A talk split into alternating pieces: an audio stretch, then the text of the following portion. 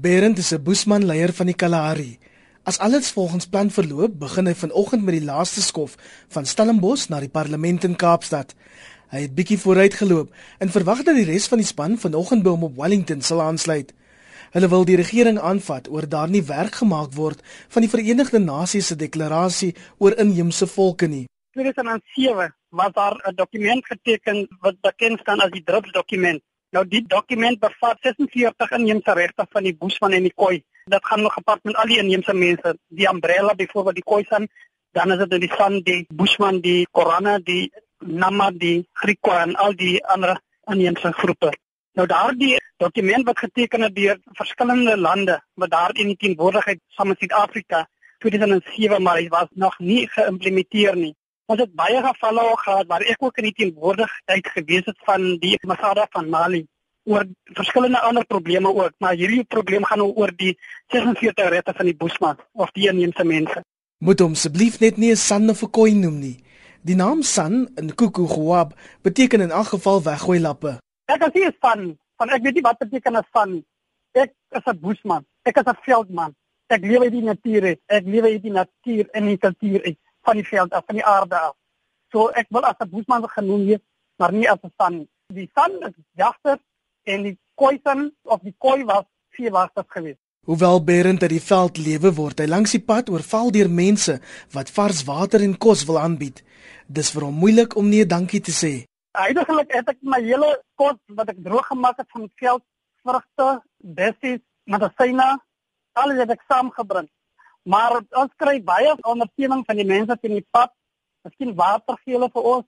Soms kry ons te veel dan byvoorbeeld ons het nou 'n vergadering ook gehad by plekke so Slangrivier waar ons baie van die goed oorhandig het. Een van die mense het bietjie sleg gevoel omdat ons gesê het nie ons het ons produk maar so voel hulle bietjie sleg.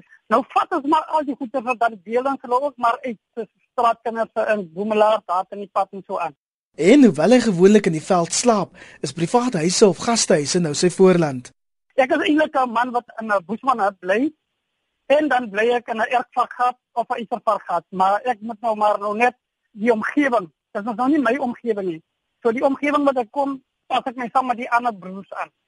So as dit nou by 'n huis is of as dit nou by 'n gastehuis is of wat ewe, dan moet ek my net aanpas by die omstandighede. Die pad Kaap toe word gebruik om soveel as moontlik informele praatjies oor sy kultuur te hou. En dis veral kinders wat half verbaas na sy stories luister en sy tradisionele drag van nader wil beskou.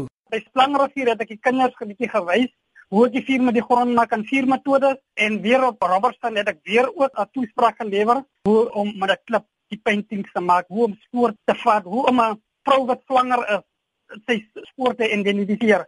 En miskien daar's 'n weegskaal aan op die gehoor uit 'n ID boek. Nou kan ek hy spoor ontleed. Ek kan ek hy spoor sê in die gehoor in die gemeenskap waar al mense is.